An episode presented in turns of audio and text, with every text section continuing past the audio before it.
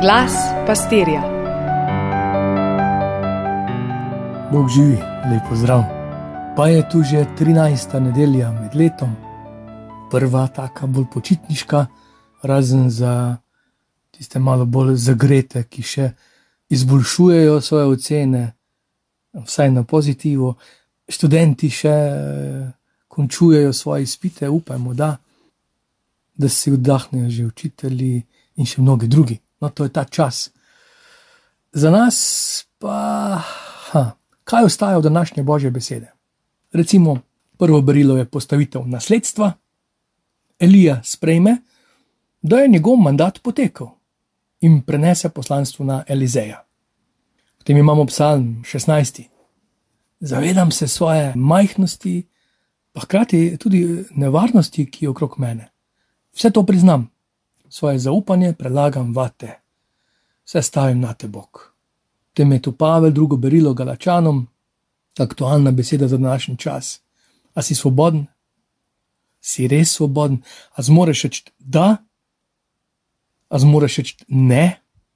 Pomisliš na kako razvado? Se zmoreš odreči, pa zmoreš ki reči ja, tam, kjer nisi sposoben tako. Za svobodo nas je Kristus osvobodil. In evangelij, poklicanost. No, to je aktualno v tem času, ko so slike novomašnikov vedno večje v družinah, ker jih je vedno manj. Se sklicujemo na sušo duhovnih poklicev, odgovornost prelagamo na škofe, ti na župnije, te na župnike, eh, mi na družine, ti na bogoslovje in tako naprej. Pa gre za poklicanost slehernega. Obstajajo ljudje, ki jim uspevajo zamere. So ljudje, ki so večno nezadovoljni z vsem, sposobni so kriviti druge za vso zlo, tako to družbeno kot njihovo lastno, oni niso nikoli krivi. Če bi se slučajno kdo priplazil blizu te resničnosti, njihove krivde, pa naj se nebesa odprejo in jih pokonča ogen. Ne, smo slišali. Ne duha, ne, ne duha, ne sluha v potrpežljivosti ali pa odpuščanju. Ostajajo znotraj svoje pravičnosti in zamerah. Potem so tu bahači, tisti, ki se vse sposobni narediti, meni se nihče ne more ustaviti, grem naravnost po svoji poti. So sposobni narediti karkoli, hm. razen če zmanjka, recimo, dovolj pohval, če niso dovolj poplačani, cenjeni. Če se slučajno zgodi slutnja, da ne bo moč kam glave položiti, se zateč na varno, potem teh mogočnežev ne bo zraven. Če ni zajamčena varnost, dostojno plačilo, zmeren čas, dobro počutje, potem tega mogočnika gotovo ne bo tam. Potem so tu še nostalgiki, tistim, ki jim je bilo pred leti mnogo lepše, tisti, ki svet včasih ni bil tako slab, ko smo včasih, ko sem jaz bil mlad, ali pa ko smo uh, pred leti živeli na vasi, ali pa v župnišču, v naši župniji je bilo včasih dvakrat več ljudi. In po prejšnjem režimu smo imeli toliko mesa, da smo ga proč metali. Ne? Potem so tisti, ki se radi zagnali v nekaj novega, pa so z neko popkovino vezani na družino eh, ali pa skupnost, ne? živijo malo avtonomno, malo pa kot veliki dojenčki malo tradicionalistično, malo pa preroško, malo inovativno, malo nostalgično. Ampak takšno življenje ni vredno, da bi ga imenovali življenje. Tako v stari zavezi, še bolj jasno pa je nakazano v novi zavezi, vse kaže na to: slediti Jezusu. To pa ima svoje zahteve, hm, potrebni napor, prizadevanja, tudi veselje rodi, ampak pod določenimi pogoji in pa ima svojo ceno. Recimo že to, da se nimam za boljšega od drugih iz današnjega evangelija. Čist preprosto, kako gledam na druge. Da nisem navezan na lastno zgodovino in to, kar mi je poznano. Ker če bi vsi ustrali samo pri poznanem, bi Jezusovo vstajenje bilo za manj, oziroma ga za nas ne bi, se ne bi zgodilo. V takem primeru Kristus za nas ni vstal in je celo zelo škodljivo, da se kot tak imenujem kristjan. Je bolje, da se ne. Tudi če se rečem, da smo tako se danes reče, smo kulturni kristijani, kristijani po kulturi ali da smo katoliški ateisti.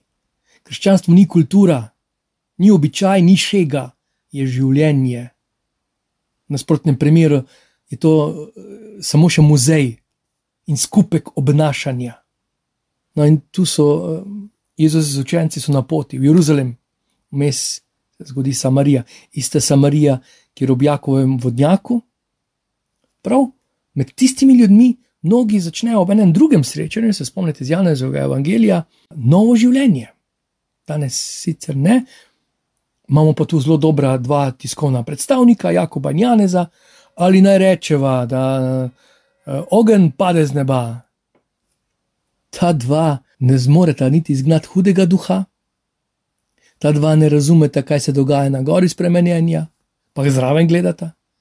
Ta dva ne veste, kako bi nahranila množice, mali fantič pa da to, kar ima, sta dva hleba, pa tri ribe.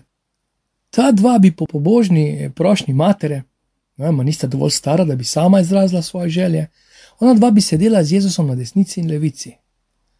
Mislim, da se ognja po njunem ukazu ni za bat, je pa vprašljiv njun namen, njuna drža, njuna smer, nevarna je. Njuna smer gotovo ni smer Jezus Kristus. Jezus doživi, da Samarija zdaj ni dostopna, ni vstopa v njo, zato gre dalje. Nam pravi, boste ostali tu? Eni bi se z njimi bojevali, eni bi jih spremenjali, spreobračali, pokristjanili, poveručili, pozakramentalizirali. On pa gre v drugo vas, on gre naprej, je na poti, ker je na poti v Jeruzalem. Jezusov največji napor očitno ni vročina, ne lakota, niti to, da nima urejenega prenočišča, pa redne kuhinje. Recimo, da je samo umevno, da ga samarijani ne spremejo. To je za pričakovati, ampak da ga pa učenci vedno znova ne razumejo. On ni proti tradiciji, vendar je več kot očitno proti nazaj. Obudite prvotno gorečnost po Pavlu, ni nazaj. Trdno stati na temelju prve cerkve, ni nazaj. Biti prva cerkev je v duhu današnjega in celotnega evangelija in klicaja sinode naprej. Naše stokanje, jokanje, napori, ko se mora na poti, on se mora pa zaradi tega vedno znova ustavljati. Dejansko ga mi upočasnjujemo, mi hočemo določiti tempo. Zgovarjamo se na crkvo, da crkva melje počasi. Ma kjer kmet dela počasi, ne hiti, vendar dela vse ob svojem času, pa ne gre za kmeta, za vsakega posameznika. Samo učimo se iz narave. Narava ni počasna, ampak je časna, v času, v pravem času. In tudi crkva danes nima časa, da bi delala počasi. Papež nima časa, da bi delal počasi. Škofje nimajo možnosti, da bi si vzeli še nekaj dodatnega časa. Se bo že pokazalo. Smrtno nevarno. Kaj se zgodi, če si starša pri vzgoji vzameta nekaj časa odmika, samo nekaj let odraščanja otroka? Tega časa ni več, sta ga zamudila. Jezus je trdno odločen, da gre v Jeruzalem. To je versko, kulturno, socialno, religiozno, ekonomsko središče, to je življenje. Ne zadovolji se z bogovim kotkom, z nekajletnim poprečnim verukom, zbirmo smo opravili, ve, da ga čaka nasprotovanje smrt.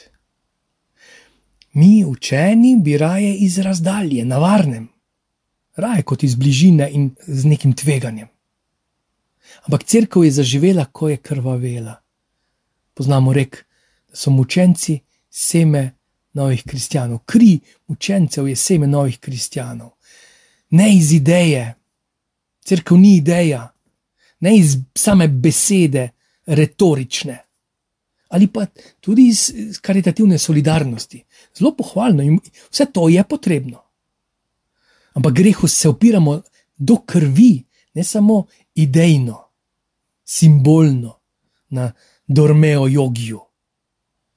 To človeštvo ne bo bolj mirno spalo z boljšimi posteljami, pa terapeuti, hkrati pa ne nehno hitelo in begalo, pa klicalo ogen z neba. Oddaleč. Jezus gre na pot, gre v središče dogajanja. Ni samo znanje, ampak dejansko je stopil, so mu lahko sledili, so ostali odtisi njegovih stopinj, korakov. In mu sledimo. Kmalo seveda konflikt, ker če mu želiš slediti in iščeš varstva, gotovosti, potem to ne bo šlo. Potem iščemo na napačnem mestu. Biti z Jezusom ni wellness, ni masaža, ni vonjenje sivke in lep razgled. Je kot dihanje, je kot voda v puščavi. Ali če hočete zdaj za enega traktorista, kanglica nafte na svobodni benzinski črpalki. In se čudimo, zakaj naš veruk ne uspeva. Pa se uspeva. Veruk je dosegel svoje, dobili smo diplomo, gre za nekaj formalnega, iz varne razdalje, Jeruzalema. Je pa logično, če se roka položi na plug, se orje naprej. Pa ne samo to, vmes ni mogoče kuhati kosila, komunicirati s prijatelji, namišljenimi, realnimi, pisati poezijo čisto preprosto, pa vendar predano delo bo obrodilo. Pač lazorjem celotno nivo, brez semena, ne bo nič, pa tudi ko pade seme v zorano zemljo, še vedno ni v moji moči, da bo zraslo. Ampak kar pa je v moji moči, to sem storil. In Jezus se opazuje na poti. Vsake toliko nekaj slišijo o njem, on na poti, ne? saj bi šli za njim, z njim, ko pa je še toliko drugega za narediti, pa, pa ne vem, če sem ravno prav oblečen, pa sem pravi človek za to. Radi bi od blizu videli, kako jo zdravlja, kako jo hodi po vodi, v živo slišali njegovo besedo iz njegovih ust. Ampak vsaj mi soseda pove, ko se vrne, ali pa otrok, ko pride z veruka ali pod maše. Pa saj občasno bo gotovo še prišel mimo, tako na turnejo, bom šel na kako poroko ali pa pogreb tako kot pomlad ponovno pride, ga bomo povabili, bo časni gost, ampak on gre naprej. Pa čist na kratko še o današnjih poklicanih.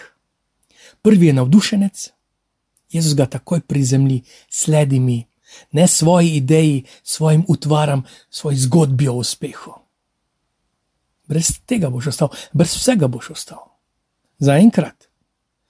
Drugi je zmeren, je spoštljiv in verjetno navezan in zvezan. Zato še išče opravičila, dovoli mi, da postorim še to in to. Saj veš, tudi drugi imajo pričakovanja do mene, tudi njih moram zadovoljiti. Tretji pa je z neko vizijo, ampak brez načrta. Sledil ti bom eh, nekoč v prihodnosti, zdaj so še pa druge prioritete. Se najdem v katerem izmed poklicanih, čakam na jutri, čakam na boljše, idealne okoliščine, čakam nekako mogočen klic. Se spominjam kakšnih močnih duhovnih vaj iz mladosti, romanja v Međugorje, mojega kateheta iz otroštva. Za svobodo nas je Kristus osvobodil. Se čutimo osvobojene? Ima Jezus Kristus sploh kak vpliv na naše življenje, na moje misli, na moje odzivanje v raznih situacijah? Slediti Jezusu je mnogo več kot verovati van, verovati pa nekaj zmoliti, dati za ofr, za advent okrasiti hišo, za veliko noč praznovati. Slediti je odločiti se, ločiti se od včeraj, odpovedati se mojemu jazu za jutri in zdaj stopiti z njim v življenje. Kam konkretno? Nihče ne ve, no, on ve. Nikaj, pred tabo je krasna niva, ne jutri, danes. Gospod že čaka, da naredi, da tvoje življenje zbrsti, obrodi, zaživi. Ne jokajmo nad semeni, ki jih čaka temna smrt rodovitne zemlje. Bodimo zazrti v posejana polja, polna cvetočih čudežev življenja. Želim lepe dneve, Bog živi, vse dobro.